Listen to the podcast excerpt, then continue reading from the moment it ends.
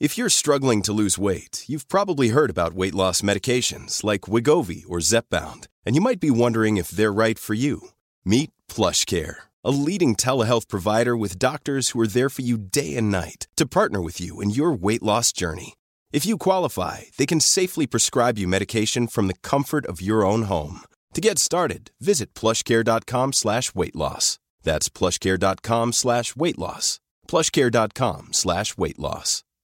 Quality sleep is essential. That's why the Sleep Number Smart Bed is designed for your ever evolving sleep needs. Need a bed that's firmer or softer on either side? Helps you sleep at a comfortable temperature? Sleep Number Smart Beds let you individualize your comfort so you sleep better together. JD Power ranks Sleep Number number 1 in customer satisfaction with mattresses purchased in-store. And now save 40% on the Sleep Number limited edition Smart Bed for a limited time. For JD Power 2023 award information, visit jdpower.com/awards. Only at Sleep Number stores or sleepnumber.com.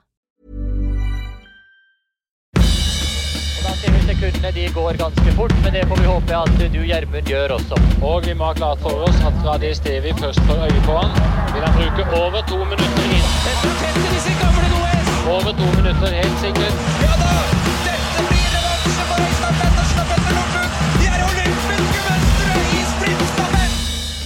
Velkommen skal dere være til Skipodden, episode nummer to.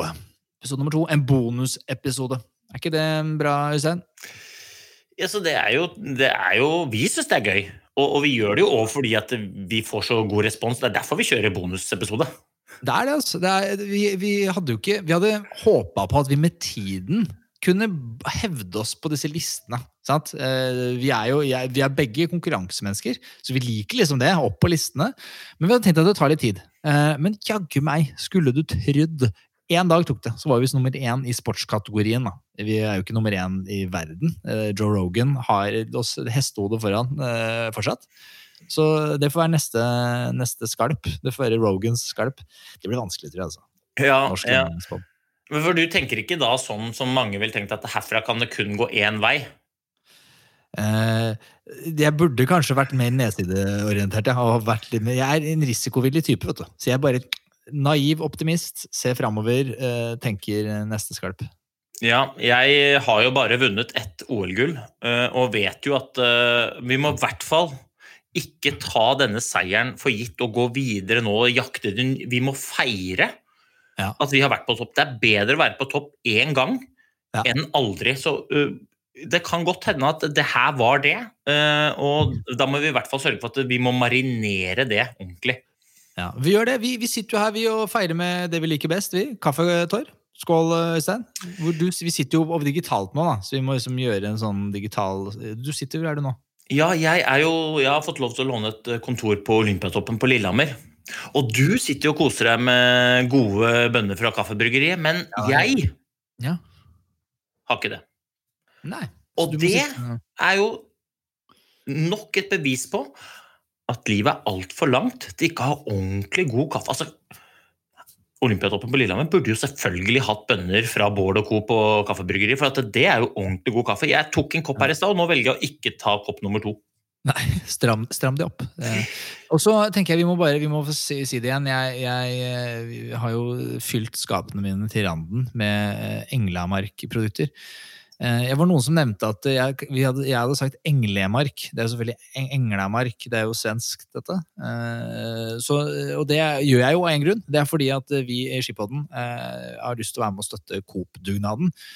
Vi ønsker at alle barn i landet skal få muligheten til å delta og være med på organisert idrett. Og at ikke liksom økonomi skal være baugen. Da. Det mener vi er en fin sak. Du har jo barn selv, Øystein. Jeg har barn sjøl, og det, det er veldig lett å sette seg inn i tankegangen av at eh, det er viktig at vi tilrettelegger for at alle sammen kan bidra. Og så er det veldig sånn Vi kan ikke gå rundt og kjøpe utstyr til alle.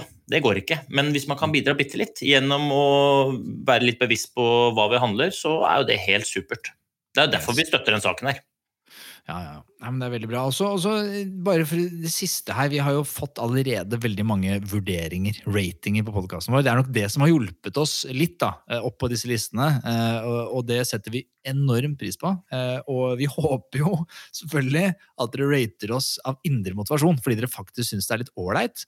Men dersom det ikke er nok, så er jo Skydda, våre, våre venner som passer på helsa til folk, de har jo vært så ålreite å komme med en, to premier to sånne masker, eh, smøremasker. En elite level smøremaske, som uh, du kan sannsynligvis, som vi sa sist, du kan reise til Wuhan og inn i flaggermushulet i Wuhan og være trygg. Uh, og en som er, jeg kanskje er litt forsiktig med å reise til Wuhan med, men som er, er god nok for skismøring. Uh, så alle som har vært og vurdert oss, om det er på Apple Podcast, eller om det er på Facebook, eller hvor enn dere har mulighet til, eller har skrevet oss en hyggelig melding. Vi setter pris på alt, vi. Så husk å, husk å skrive melding til oss og si at dere har gjort det, for da kan vi putte dere inn i trekningen. Det er bra. Og eh, det å beskytte sin egen helse, det er jo liksom du, du, Det er ikke så innmari mange argumenter som går imot akkurat det. Eh, og, og, det handler jo, Nå er det jo sånn fluorforbud, ikke sant? så da tenker folk, eller det er ikke innført, men det blir det. Da, folk, da er det ikke så viktig. Men min erfaring er jo at det er jo akkurat like mange partikler i den lufta, og du er ikke gira på å puste inn verken det ene eller det andre. Så det å beskytte luftveiene, mm, ikke så dumt. Gjør det. Gjør det. Og så er det nå, det er jo fredag i dag, eh, og det betyr jo at Beito-sprinten, som det heter, er i gang. Og nå er det jo, i dag er det jo sprint, faktisk, som da står eh, på agendaen. Og idet vi spiller inn dette, så har prologen nettopp blitt ferdig. Eh, hva syns du? Er det noen overraskelser, Øystein?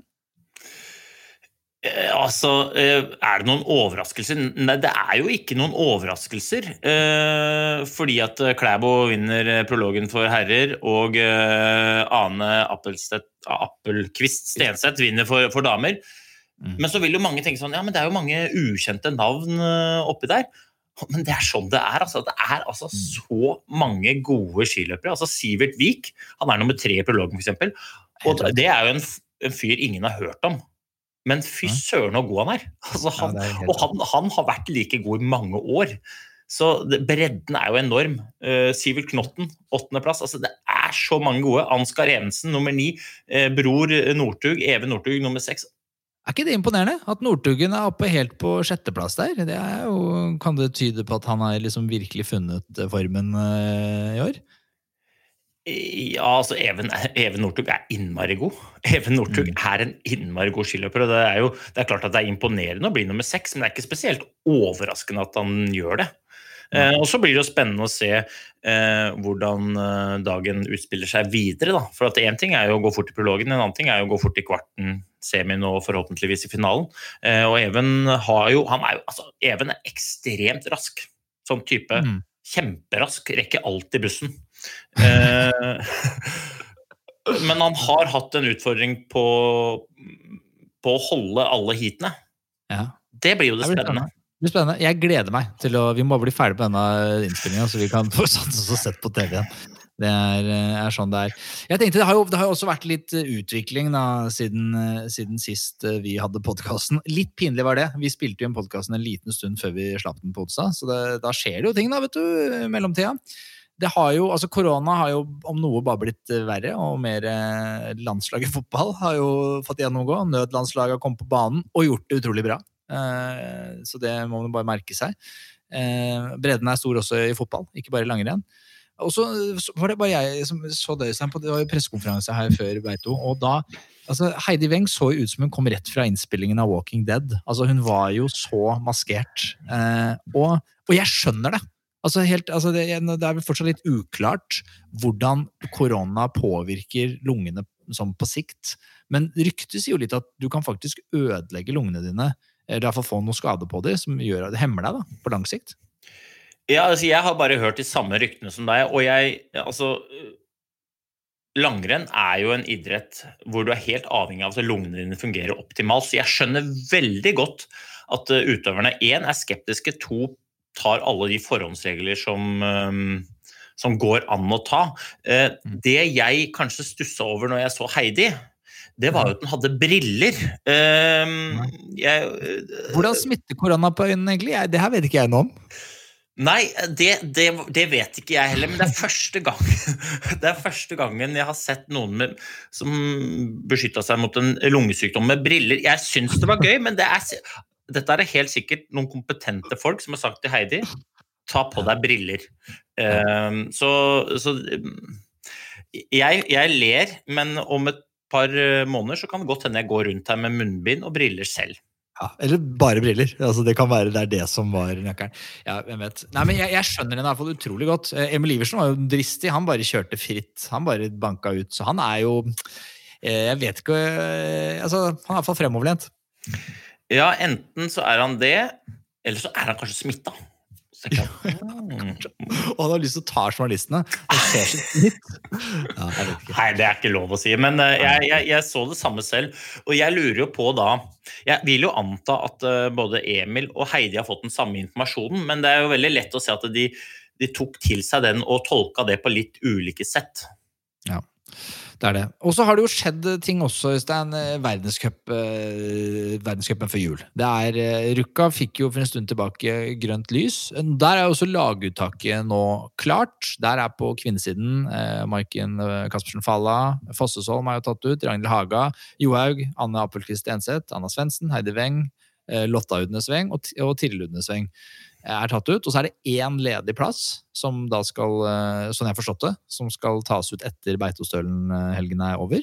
Ja. Hvem er det som er favoritter for den plassen, vil du si? Åh, oh, Det er vanskelig spørsmål. ass. Uh, det er jo minitour i Ruka.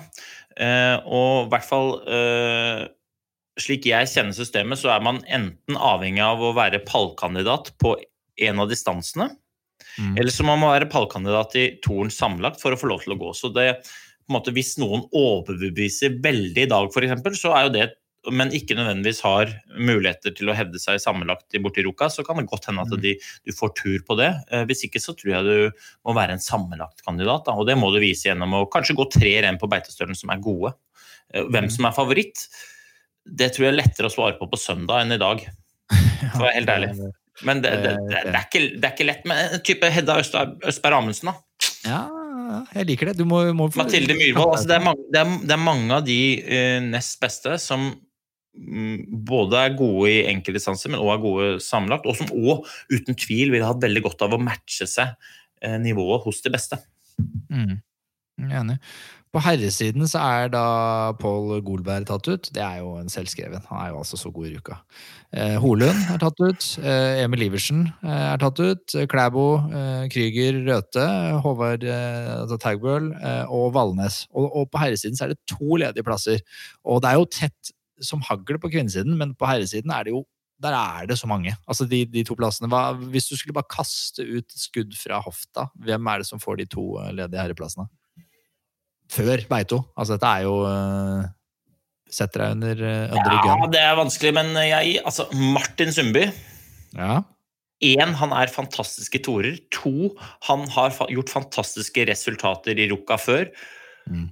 Og tre, jeg kjenner han så godt at jeg vet at hvis ikke jeg nevner han, så blir han litt sur. Så jeg sier jo Martin. eh, og mest fordi at han er en fantastisk skiløper. Ja. Eh, og så ville jeg kasta ut Ansgar Evensen, altså.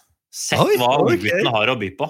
Ja. Eh, for det han viste i, mm, på slutten av sesongen i fjor, var innmari bra. Jeg tror han kan overraske. Han går fort i prologen i dag, og mm, nå vet jeg ikke hvordan det går videre, men eh, jeg vil kaste ut han, ja, altså. Ja, han har jo en selvtillit som overgår selv deg på ditt aller verste. Ja, altså, han viser jo fingeren. Ja, det er hissig.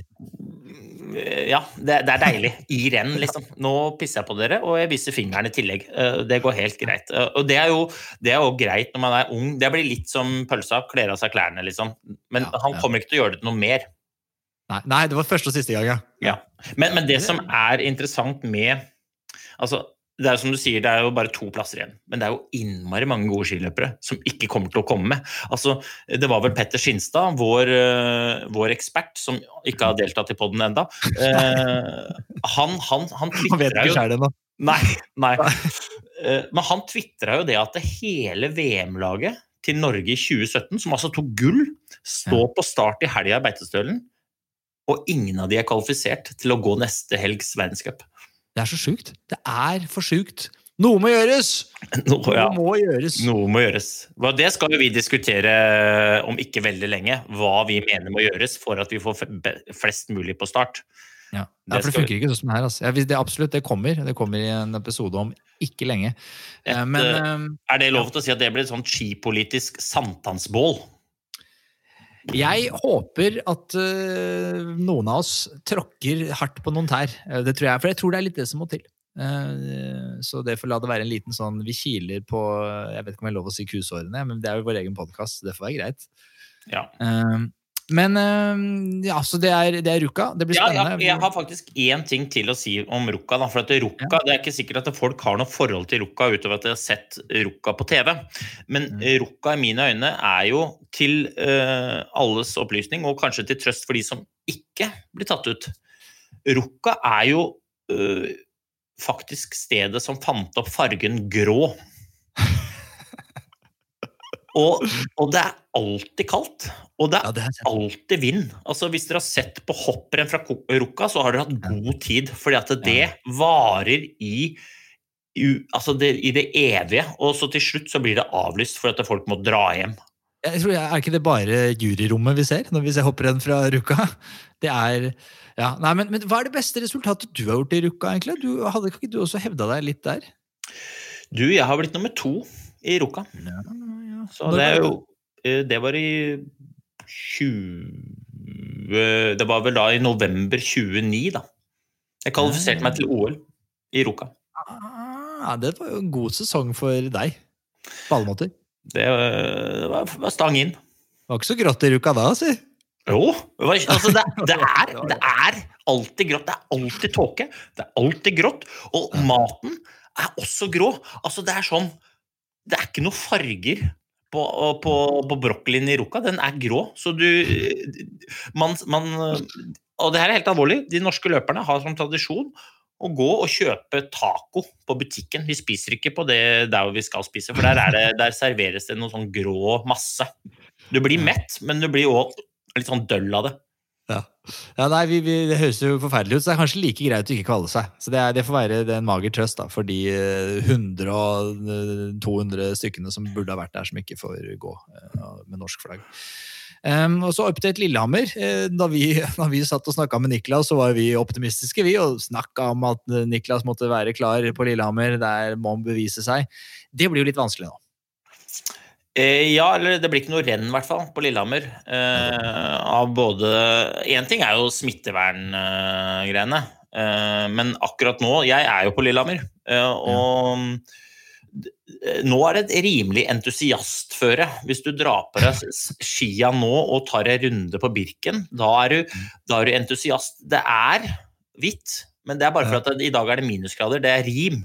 Men det er Ja, det, liksom. Og det var jo snakk om å flytte rennet opp på, på Natterudstilen, og Natterudstilen er en fantastisk arena, men for uh, verdenscup langrenn fellesstart Mm.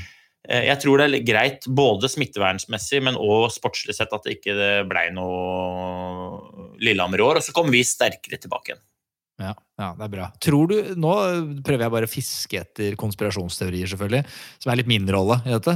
Tror du at det var med på beslutningen? At de, de ser at søren heller, vi kan jo ikke gjennomføre renn, vi. Det er jo ikke snø her, og vi orker jo ikke å lasse på snø. Nei, jeg, jeg, jeg tror ikke det, altså. For at ehm, eh, det har blitt gått skirenn på både dårligere løyper og dårligere føre enn det Haukåsveen og co. hadde diska opp på Nattestilen, så, så det tror jeg ikke. Det er nok smittevern eh, som har bestemt det, men jeg tenker at for alles del at det sikkert er til det beste. Og det kan godt hende at jeg kaster bomber i glasshus nå, men jeg mener det. Ja. Nei, men eh, jeg stoler på deg, jeg. Vi stoler på deg. Verdenscupen Davos bekrefta. Eh, tror du det kommer til å endre noe nå, eller på prioriteringer? Det er jo flere som har sagt at de, de Emil Iversen blant annet, skulle jo droppe Davos for å gå færre igjen, og heller satse skikkelig der han, eh, der han går. Eh, hva tror du om det? Nå som Lillehammer er avlyst? Godt spørsmål. Jeg tenker jo at eh, alle er som deg og meg, det er veldig usikre. Eh, Ja. Blir det Davos, selv om det er grønt lys? Får vi lov til å reise dit? Hvordan er det vi skal løse det? Hvem får lov til å gå? Hvordan? Så jeg tenker jo at uh, løperne nå forholder seg til programmet sånn som det er, og planlegger å gå det som eventuelt blir. Uh, I frykt for at det kan hende at det er bare det det er som er, eller kanskje ikke det blir noe mer. Eller. Så jeg tror jo Ja. at vi kommer til å se Hvis så fremt folk får lov til å reise, så tror jeg folk kommer til å gå. Det er jo gøy å vinne verdenscupen sammenlagt fordi du vant på Rukka. Så bare ja, da vant du. Det ble ikke noe mer. Da vant du. Ja, det, altså det, men det, man kan ikke vinne mer enn det som er. Så det er jo for så vidt like verdig vinner det som noe annet. Det er jo det. Og så prøver de jo å dra inn en sprint i Dresden også, før jul. Eh, der har vi, du har også gått det, er ikke? Sprint i Dresden. Det er show. Jeg har aldri vært i Dresden. Ikke? Nei da. Jeg eh, kledde meg naken i Düsseldorf og jazza rundt der eh, år etter år. Og det var veldig god stemning. Men Dresden, aldri vært. Eh. Det ser ut til å ligne litt på Düsseldorf. Det er mistenkelig likt. Vind, vann. Ja. Jeg har vært i Dresden, vet du, Øystein. Ikke gått ski i Dresden. Jeg har vært og sett på gamle kirker. Så det, sånn er det. Dresden har mye å by på. Ja, det Jeg vet ikke hva som er verst, faktisk. Nei, Det er ikke jeg heller. Og så er det eh, også mange av disse norske nå som planlegger eh, og Dette er jo selvfølgelig ting kan endre seg, men de planlegger å kjøre julefeiringa si da i Mellom-Europa. For hvis du da først reiser ned ut, eh, så er det ikke så lett å komme inn. og Det, det er jo det å flytte seg mellom grenser som viser seg å være litt sånn vanskelig under korona, og, og ikke minst risikabelt. Um, altså de, de planlegger da å ha julefeiringa i Mellom-Europa uh, inn mot Tour de Ski. Hva har du drevet med det? Det er jo flere som har gjort det. Northug har vel gjort det en gang før? Har han ikke det utenom korona? Har du drevet med sånt? Ja, det er mange som har drevet med sånt. Jeg har aldri gjort det. Eh, Jeg burde sikkert kanskje ha gjort det hvis jeg hadde turt å prioritere tøffere, Eh, men jeg har aldri gjort det. Men det som jeg kanskje ser på som er enda mer interessant, i hvert fall mer aktuelt, er jo at eh, når Beitostølen blir avlyst, mm. og det er bare to utenfor lag som får lov til å gå i Ruka, så betyr det at betydningen av Beitostølen kanskje er viktigere enn noen gang for de som har lyst til å gå Tour de Ski. For hvis ikke du går bra på Beito, så er det ikke noe renn å gå for å kvalifisere seg til Tour de Ski utenom en skandinavisk cup i Rovaniemi, som etter ryktene kan bli én både avlyst og to veldig utfordrende. Folk må reise over øh, i forhold til karantene og sånn, og ha ferdigsmurte ski. og Det blir, kan bli litt bingo. Så jeg tenker jo at det, hva folk planlegger nå, det er jo én ting, men først må man vite hvilke forutsetninger han har for å planlegge. Så f.eks. vår venn da, Niklas Dyrhaug, som hans mål er jo å gå eh, VM, femmila. Mm. Men for å komme dit så vet han at det lønner seg å gå Tour de Ski, og for å komme til Tour de Ski så burde han gått i Ruka. Og for å gå i Ruka så må han da gå Mm. fortere enn 100, eller 100 mann, da. For han må Mm. overbevise den eh, i morgen, på lørdag, 15 km klassisk, for å få Mm. muligheten til å gå. Hva tror du det gjør med nerven hos folka? For det, det er ikke jeg tenkt på, jeg, men Lillehammer som du sier er avlyst, og Beito blir enda mer eh, viktig. Eh, Da blir jo, Jeg kan se for meg bare eh, for min egen del, at da er presset enda høyere. Da Da må, altså, Du har ikke noe option. Og det har sovet dårlig, altså. Ja, og det er jo det som er spennende. Altså, åpningshelgen i seg selv er jo litt sånn nervepirrende. Alle har trent bra, alle skal ut og gjøre greiene sine, men ingen vet helt hvor de står. Alle har lyst til å prestere. Og så vet de jo da at ok, greit, kanskje ikke det er så viktig på Beitostølen, men når jeg kommer til Lillehammer, da må jeg prestere. Og Lillehammer er viktig fordi at det, eh, der er det jo litt flere som får lov til å gå verdenscup pga. nasjonal kvote. Men nå er ikke Lillehammer, så da blir det enda viktigere å prestere, om det er i dag, i morgen eller på søndag, da, for de ulike utøverne og de ulike målene de har. Og det gjør jo at de berømte skuldrene, de heises. I hvert fall hos noen. Ja, nei, det, er, det blir spennende. Jeg, altså, jeg gleder meg. Vi må bli ferdige nå, så vi kan få fått på TV. Få på TV. Ja, og, Um, og kan jo ja. si det òg, da. Liksom Beitestølen. Det har vært mye diskusjon. Skal det bli, skal det ikke bli? Og fra sånn smittevernsperspektiv så må vi bare tenke at eh, de som styrer det, de styrer det, og resten må bare forholde seg til de reglene som er. Mm. Men mitt skihjerte Altså, jeg, gle jeg gleder meg så mye. Få på noen menn og damer i tights som jogger rundt i skauen så snørra renner. Altså, jeg er, jeg er så klar, Hanso, at det forrige helg så hadde jeg på svensk åpning i skiskyting. Og jeg kosa meg! Ja, jeg holdt på selv. Det var også for å se på Stina Nilsson, når vi først er der. Digresjoner er jo vår er noe vi liker, det. Stina Nilsson, hva tror bare du som er eksperten i podkasten, hva tror du om Stina Nilsson og skiskyting? Eh, jeg tror at Stina Nilsson har en lita vei å gå. Én ting var skytinga, en annen ting var drillene. Jeg kan ingenting om dette, men jeg syns ikke hun gikk så fort på ski heller. Men det kan godt hende at jeg ikke kjenner uh, nivået i skiskytterbredden i Sverige godt nok. Men jeg tenkte at hun kom til å gå litt fortere. Men er ikke hun en killer? Altså, Stian Nilsson, som vi for øvrig må ha innom som gjest en gang. Ja, ja. Drømmegjest. Ja, drømmegjest. Hun slår meg bare som en skikkelig killer. Altså, hun, jeg tror hun har hodet på rett sted. Da. Jeg tror hun har det som skal til for å få det til. Altså, Stina Nilsson slo Therese Johaug på siste etappe. VM, Seefeld. Altså, dama hang på Johaug fem kilometer og gønna ned. Altså, jeg digger Johaug, men jeg ble imponert av Stina Nilsson. og herregud, er det noen som skal klare det, så er det Stina Nilsson. Ja, ja. OL i 2018 òg. gjorde hun ikke distanse? Var det, var det tremila hun gikk så enormt bra på? Men som distanse Nå, vet Nå er jeg usikker. Tremila, det hørtes langt ut. Men, ja, det det, langt ut. Jeg vil nesten bare sjekke opp det der. Ja. det kan, jeg tenker kanskje eventuelt 15 km der? Nei, det der veit jeg ikke, men uh... Vi må se her nå. Eh, Dette her må vi komme til bunns i. Uh, Pyeongchang Jo da! Bronse. Pyeongchang. 30 km klassisk. Ja da. Stina Nilsson. Jeg har trua. Jeg har trua. Ok. Vi eh, Litt innom langløp også. Vi vet jo at mange som hører på, er, er mosjonister. eh, Og du, Øystein, har jo, måtte- har jo runda det som er i, i langløpssirkuset òg. Har jo hevda deg der. Eh, og det siste nå, så så jeg at det, de som arrangerer Marcialonga, de planlegger at det skal gå som normalt. Men vi skjønner jo vi òg at det vil jo være noen deltakerbegrensninger. Hva har du Mm. hørt der, da? Nei, jeg har hørt det samme som deg, og jeg tenker at én ting er jo hva hva arrangørene bestemmer seg for. En annen ting er jo hva deltakerne får lov til. Marcialonga består jo av 70 fantastiske kilometer, ganske smal trasé gjennom småbyer, hvor 8000-10 000 nordmenn går side om side, og gjerne litt oppå hverandre også, for det blir sånn, det er litt kluss. Og, og, og sånn smittevernsteknisk så tror jeg ikke det er sånn kjempestemning i, i, den- i, i Nord-Italia i januar. Så jeg er jo ærlig på at jeg tror ikke Marcialonga blir. Uh. Og hvis det blir, så tror jeg heller ikke at så innmari mange tenker det er en god prioritering å stikke ned der. Gå litt rundt, ta ti dager i karantene når jeg kommer hjem, og håpe at eh, det blir en god fest, liksom. Eh, Så det kan godt hende at jeg er litt skeptisk, men i hvert fall for massene så tror jeg at det skal bli vanskelig, da. Og jeg skulle eh, i elitefeltet. Og jeg håper at det blir et elitefelt, for at én, det er viktig for Marcialonga. To, jeg har lyst til å se på TV. Men jeg kommer ikke til å reise ned til Nei. Italia med all risikoen det fører med seg, og, og i tillegg gå i karantene.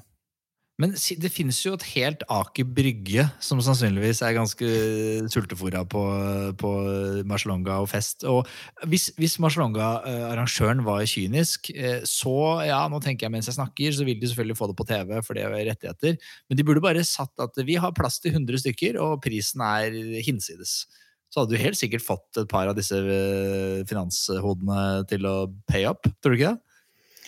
Det må, det må vi nesten spørre de om. Det Er klart at Er du administrerende direktør i et dritfett selskap, så gjør det ingenting om du tar to uker fri, sikkert. Jeg vet ikke, men jeg tror ikke de gjør det allikevel.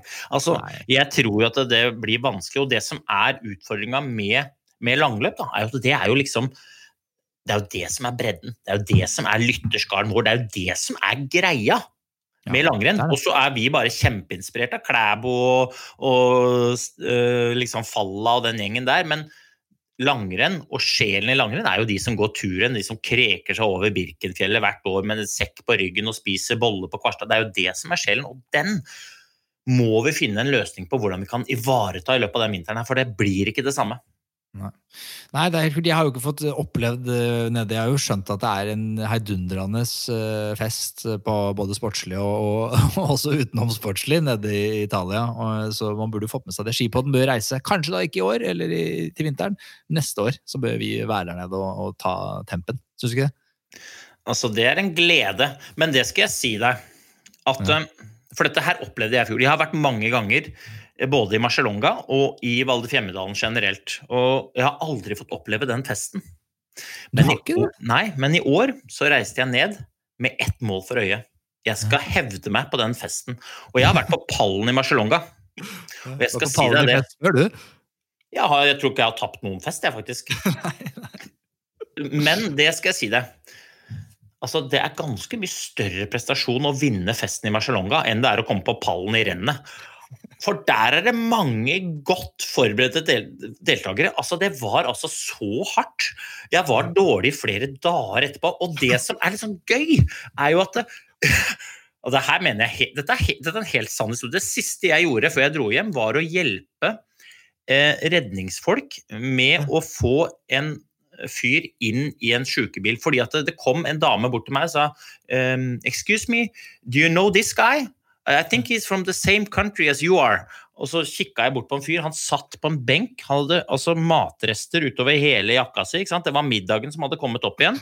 Og han var helt ute av eh, Det var ikke mulig å få kontakt. Men han var norsk i kraft av at han hadde på seg et, eh, en jakke med et ganske kjent norsk klesmerke innenfor langrennssporten. Og, og da tenkte jeg liksom, når vi fikk han inn i bilen, fikk kjørt den på sjukehus, tenkte jeg bare sånn Når han kom hjem dagen etter, og, og kona og familien lurte på ja, hvordan var det i Marcialonga, hva, hva svarer han? Nei, det var, det var greit. Det var greit. Eh, eh, Jeg gikk rennet, og så øh, var jeg helt i teten på festen, men så sprakk jeg veldig, og så ble jeg kjørt på sjukehus og pum- pumpa, og så spydde liksom, jeg, jeg vet ikke. Men jeg gleder meg til vi skal, vi skal kjøre en livepod fra festen i Marcialonga 2022. Helt klinkende klart. Jeg burde fått kara meg gjennom løypa. Jeg var jo trente i går. Jeg, jeg, har, jeg tror ikke jeg kommer til å Jeg tror det er lettere for meg.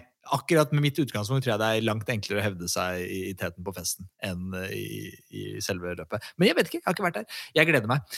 Eh, De andre langløpene, bare veldig raskt innpå. Eh, Vasaloppet, eh, hva hva er siste der, Øystein? Ja, Vasaloppet bekrefter at de kjører et opplegg, og det er kjempebra. Eh, De kjører en eh, eliteklasse pluss eh, en sånn litt bredere mosjonistklasse hvor man starter puljevis, og det er jo egentlig fint. Um, så det blir. Spørsmålet er jo hvor mange utenlandske konkurrenter velger å komme. Det vet jeg ikke.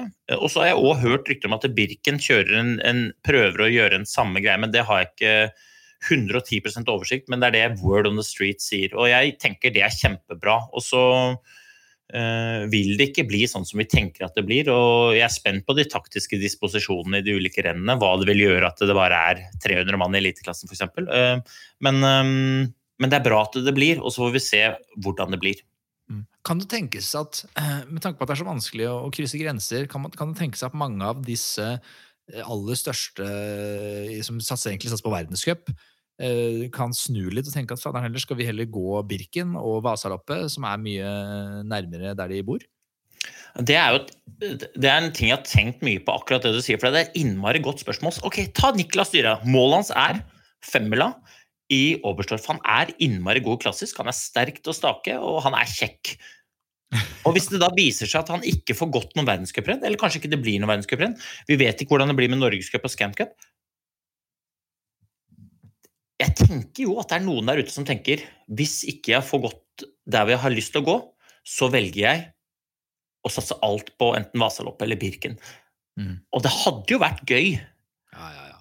å fått en, en Niklas Dyrhaug, fått en Michael Mikael Gunnulfsen, fått en Eirik Mystad. Det er så mange gode skiløpere i Norge som med trening kan være med på å gjøre Vasaloppet enda mer spennende. Det, det negative er jo at um, Sverige sannsynligvis er enda lenger unna en seier. Eh, for de har ikke hatt en seier på, i herreklassen på noen år og har veldig lyst på en seier. Og hvis alle de nest beste norske tenker nå skal jeg satse på Vasan, så blir det enda tøffere. Selvfølgelig. selvfølgelig. Nei, Jeg er helt enig, og det, og det henger jo også skyhøyt av vinne. Hva var det beste resultatet du har i Vasaloppet og Birken? Jeg har fire i Vasaloppet. Det bra, Og altså. så har jeg vel åtte i Birken. Ja. ja, du er jo framme der da. Du er jo oppe i ringa da. Det er synd du ikke har pallen, da. Det er litt, litt det er kjipt. Ja, men jeg tror ikke jeg er god nok til å komme på pallen i Eller det, jeg var ikke god nok til å komme på pallen i Birken. Det er helt greit. I Vasaloppet tror jeg det. Det var jo i 2015. Det er jo et, eh, et vasalopp for historiebøkene i forhold til vær. Altså, det, det, det var så mye vann at det var helt vanvittig. Men da da tror jeg jeg var god nok til å vinne. Men da gikk jeg rett og slett tom. Skal jeg fortelle deg hvordan jeg gikk tom? Ja. Vi, eh, langløp, ni, ni mil. Du må, du, må ta inn, du må ta inn næring, ikke sant? hvis ikke så går du tom. Og jeg gikk med drikkebelte eh, med flaske. Anders Aukland gikk med drikkebelte med slange.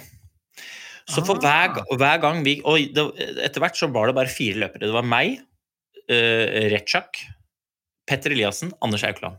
Og Anders Aukland han er ikke bare en god skiløper, men han er en god taktiker. Så hver gang vi nærma oss en drikkestasjon, så rykka han. Sånn at jeg ikke rakk å drikke. Og så når vi hadde gått forbi drikkestasjonen, så drakk han. Og det gikk helt fint, helt til det ikke gikk for meg lenger. Jeg, altså, jeg, var, så, jeg var så sliten og så tom at når jeg kryssa mållinja som nummer fire i, i mora, så begynte jeg å grine. Ikke fordi jeg var lei meg, men fordi jeg var glad for at det var over. Men er, ikke det her, er det ikke noen regler mot dette? Så, så, for jeg tenker sånn, Dette er jo ganske sånn, dette bør jo alle skjønne, at du må bruke sånn drikkeslange. Det, det er jo det er smart. Ja, det kan du godt si, men eh, det var liksom eh, Det var da det begynte at vi begynte. Så nå bruker alle det. Ja. Fordi at Anders Aukland eh, var framme i skoa. Anders Aukland, Jeg kan si mye om Anders Aukland, men han har vært god til å drive med utvikling i mange år. Det er innmari gøy, og resten har bare reagert på det han har gjort nå. Mhm.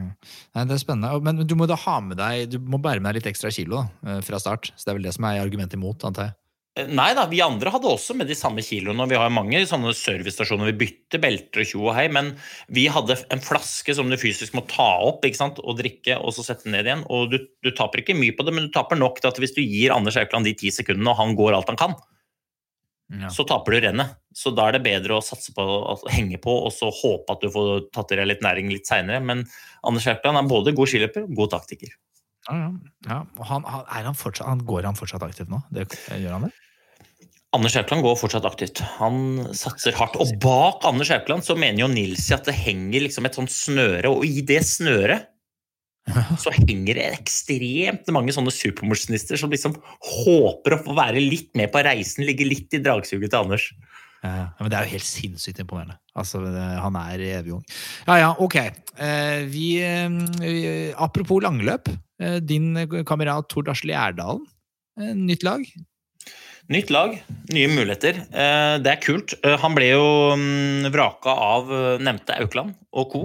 i uh, deres lag, og så står det på bar bakke, og da i langløp, ikke sant, så er det jo avhengig av å ha et lag. Av den enkle grunnen som vi snakka om i stad, med, med disse serviceopplegget, med dette med langinga. Hvis ikke så må jo ikke bare uh, Tord gå Vasaloppet med drikkebelte, men han har med seg sekk med mat i tillegg. Det går ikke. Så du er avhengig av å ha et lag, og det er kjempekult at uh, han har fått stabla et lag på beina.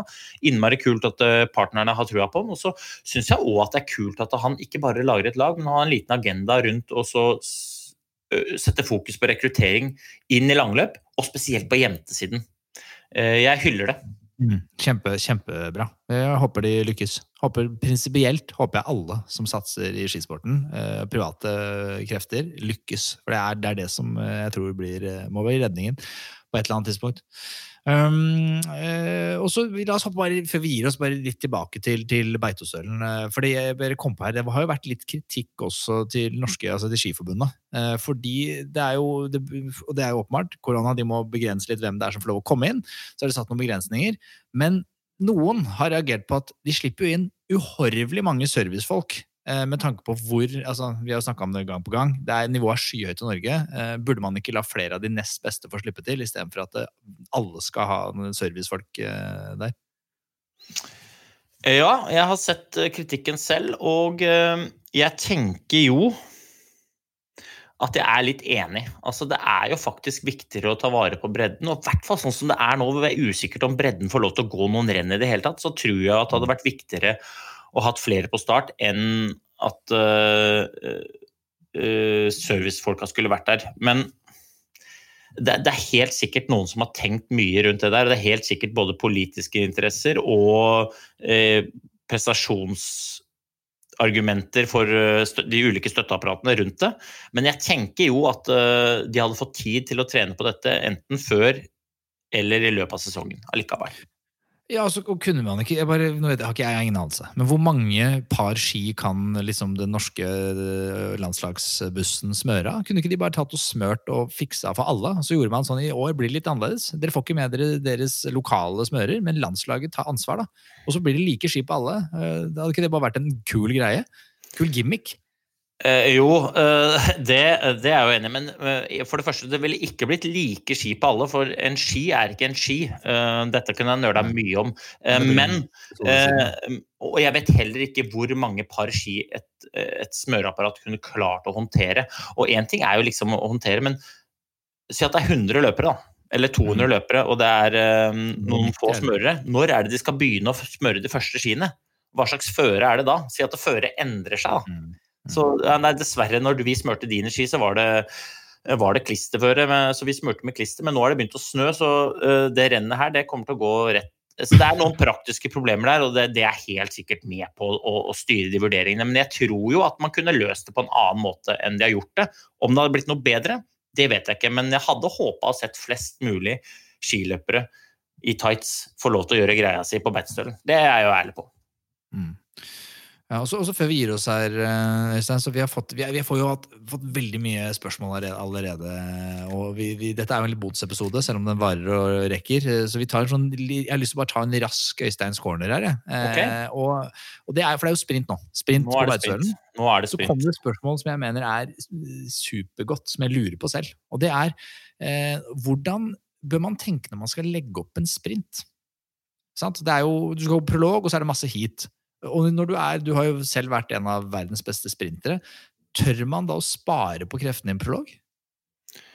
Det kommer helt an på hvor god du er i prologen, tror jeg. Eh, Jeg gjorde aldri det selv, og jeg var jo Jeg har jo vært i den situasjonen at jeg har vært på Norges landslag og ikke kvalifisert meg til kvartfinalene på Beitostølen. Eh, Så Mm. jeg turte aldri å spare på det. Men, men det som er viktig i en sprint, er jo å For det er jo det er en lang dag. Det er veldig Mm. mange sprintere som blir langløpere etterpå. Og det er jo fordi at vi er vant til å holde på lenge. Vi er vant til å holde, på, holde kroppen i gang med fire eh, maksdrag i løpet av en lang dag. Da. Ehm, så, så jeg har ikke noe svar på akkurat hvordan man legger opp, men det er jo i hvert fall viktig å finne sin måte å gjøre det på, og gjøre det best mulig. Jeg likte personlig å varme godt opp, gå en prolog, og så roe helt ned, og så begynne å dra i gang igjen. Da. Men det er viktig å være klar til å ta i alt du kan for hvert, for hvert heat. Ja. Men, altså, men så Klæbo, tror du han er så god nå at han holder igjen litt i prologen, eller tror du det tør ikke han heller? Han bare, Det er bånn spiker, liksom.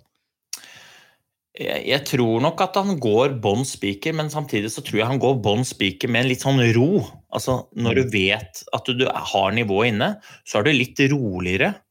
Og kanskje løser ting litt billigere enn de som føler de har kniven på strupen. Og det er jo utfordringa for de som ligger og vaker. De føler virkelig at de må ta i alt du kan. Eh, Men det handler jo egentlig ikke om å ta i alt du kan, det handler om å gå så fort som mulig. Og det er ofte to helt forskjellige ting. Spesielt i en sprint hvor liksom eh, Ja, du kan jo se på en 100-meter. da. De som løper, de løper alt de kan, men de tar ikke i 100% overalt i hele kroppen. De løperne som har kniven på strupen, de løperne som ofte mislykkes i prologene, de bruker for mye krefter, sånn at de blir slitne, og så går de saktere, selv om de tar i alt de kan. Mens du ser en Klæbo, han er litt leken. En Emil Iversen, de er lekne. Maiken Caspersen Falla leker, liksom. Eller Vibeke Skofterud, som eh, var mester på ski. Hun, når hun var på sitt beste, så gikk hun fort, men hun tok ikke i alt hun kan. Og ofte så kan man til og med gå fortere på 95% enn på 100. Ja. For, for det er også et annet spørsmål. Det er sånn, disse heatene det, de, går jo så utrolig fort i, i prologen, og for så vidt i heatene. Men eh, mitt, hvor mye har det å si at du er trygg i felt, og du, hvor, mye, kan du spare på å liksom gå felt versus å gå prolog? da? Eh, Det er jo et umulig spørsmål å svare på, for det, jo, det svaret vil jo være ulikt eh, person til person. Men min eh, erfaring er at jeg var, jeg var innmari mye bedre i felt enn jeg var alene. Fordi at når jeg var alene, så stolte jeg ikke helt på meg selv. Da var jeg liksom den som tok i veldig mye, og ikke nødvendigvis alltid gikk så innmari fort. Jeg tok i kanskje til og med for mye, sånn at det gikk på bekostning av fart av løypa. Tekniske løsningene ble dårlige for at jeg knøyt meg, skulle ta i så innmari mye. I felt så syntes jeg det var lettere å kunne bruke de andre spillerne, kunne legge opp taktikken litt annerledes ut ifra mine egne styrker, hvordan jeg hadde lyst til å løse det. Og, og da ble jeg litt mer den derre jeg, jeg, jeg var ikke Klæbo. Jeg, jeg vil alltid ligne mer på Sarinen enn Klæbo. På Kowalczyk. Eller Kowalczyk, you name it. ikke sant? Men, men da var jeg roligere, og da gikk jeg ofte mye bedre. Så hvis jeg først kom meg gjennom prologen, så gikk det som regel veldig bra. Min store bøgg var at jeg ofte sleit med prologen, og etter hvert som jeg ble mer og mer usikker på prologen, desto verre syns jeg det var å takle den. Eh, Den gangen jeg røyket f.eks. på Beitostølen, Mm. så, så dro jeg ned eh, på kvelden etterpå og kjørte drag i sprintløypa for å få treninga. da. Og da la jeg intensiteten ned, og så gikk jeg nesten ti sekunder fortere. Oi. Ja, for det, for, og det er så sykt at det går an at det er så For det er jo sånn 30 sekunder forskjell på Klæbo og, og liksom de som går Og dette er jo, det er jo ingen som går på Beitostølen som ikke er råbra. Og det er så sinnssykt at det kan være blant de som er råbra, så er det fortsatt så store forskjeller. Og så er det selvfølgelig alle er ikke sprintere, da. Det er vel noe med trening og uh, hvordan du er skrudd sammen og sånn, men Ja, øh, men det er jo liksom den der balansen mellom det optimale og det katastrofale. øh, på en måte Å fintune den balansen i forhold til f.eks. fart da, eller innsats. Og hvis du, hvis du er stiv, eller åpner en prolog som varer i tre minutter, alt du kan så etter, etter 20-25 sekunder så kan den prologen allerede være ferdig. Og da har, du, da har du 2 minutter og 35 sekunder med syre igjen, og da taper du masse. Når Klæbo danser ved siden av rass. Det, så, sånn er det bare. Ja, også, men, men, når du gikk da kvart, bare siste her, når du gikk på, i kvartfinalene, tenkte du da ok, jeg ser rundt meg, her er det mange treige muskelfibre som har bare kommet seg med fordi de har god kondisjon. Her kan jeg bare safe den og bru, spare krefter, og så bare ta det i spurten. Og så jeg med, har jeg mer krefter i en semifinale om finale. Eller turte du ikke det der heller, og bare måtte gå bunnspiker? Mm, nei, man tør ikke nødvendigvis å spare, men man ser jo alltid an heatet og hvilke kvaliteter og hvilke folk som er i heatet, og så legger man jo opp heatet sånn at man lykkes selv. Eh, og så får man jo selvfølgelig ikke styrt hva de andre legger opp, men jeg la jo alltid en plan for hvordan jeg selv kunne komme videre, og jeg prøvde jo selvfølgelig å spare mest mulig krefter. Men jeg prøvde heller å vinne heatet sliten enn å komme i mål som nummer fire og håpe på lucky loser-tid, men være pigg. For det, men det er jo ikke alle legger, altså Mitt inntrykk er at det er noen som ikke ser an hitet sitt. Da. Hvis du ser på hvordan uh, Ingvild Flugstad Østberg for eksempel, øh, la opp løpene sine når hun var god i sprint, så følte jeg hun bare la seg i front, og så gikk hun det hun makta. og tenkte at enten så kommer jeg første mål fordi jeg går raskest fra start til slutt, eller så blir jeg lucky loser fordi det går så fort. Så, så kan du, sånn sett, Når jeg hører jeg sier det, så er det på en strategi. Uh, Ja, det er akkurat det, da. Og det er jo det som Nå er det jo sånn at de kan velge hvilke heat de går i. Løperne kan jo selv velge heatene, og da ser du jo sånn som Klæbo.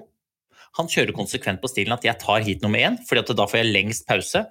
Men så, og når han trykker på knapp nummer én, så tenker resten åh, Klæbo er pigg.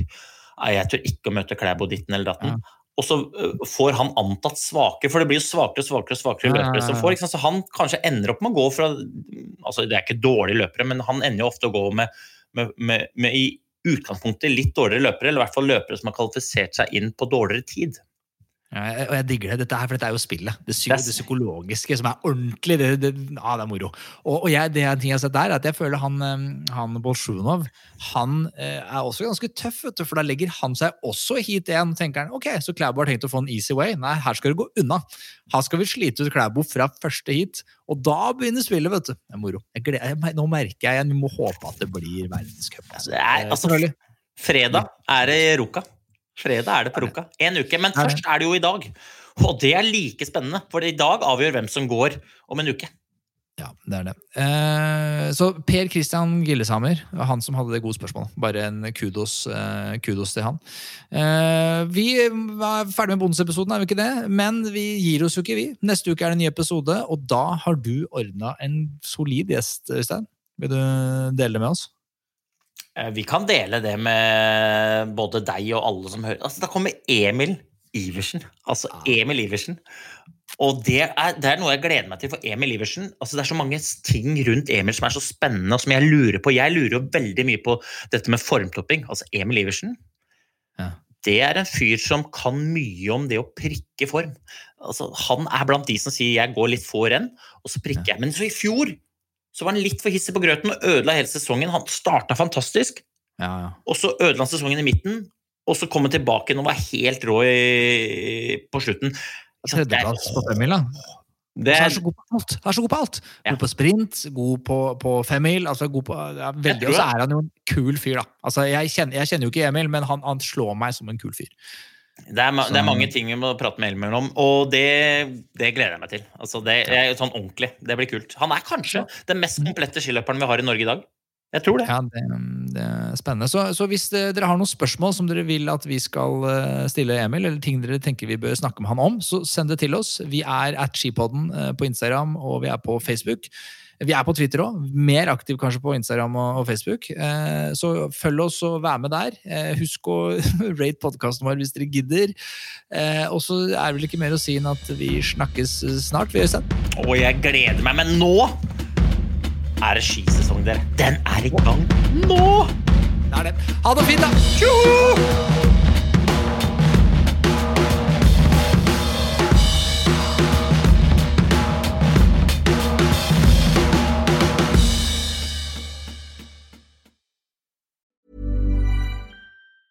A lot can happen in three years, like a chatbot may be your new best friend. But what won't change? Needing health insurance. United Healthcare Tri Term Medical Plans, underwritten by Golden Rule Insurance Company, offer flexible, budget friendly coverage that lasts nearly three years in some states. Learn more at uh1.com. Hey, it's Paige DeSorbo from Giggly Squad. High quality fashion without the price tag. Say hello to Quince.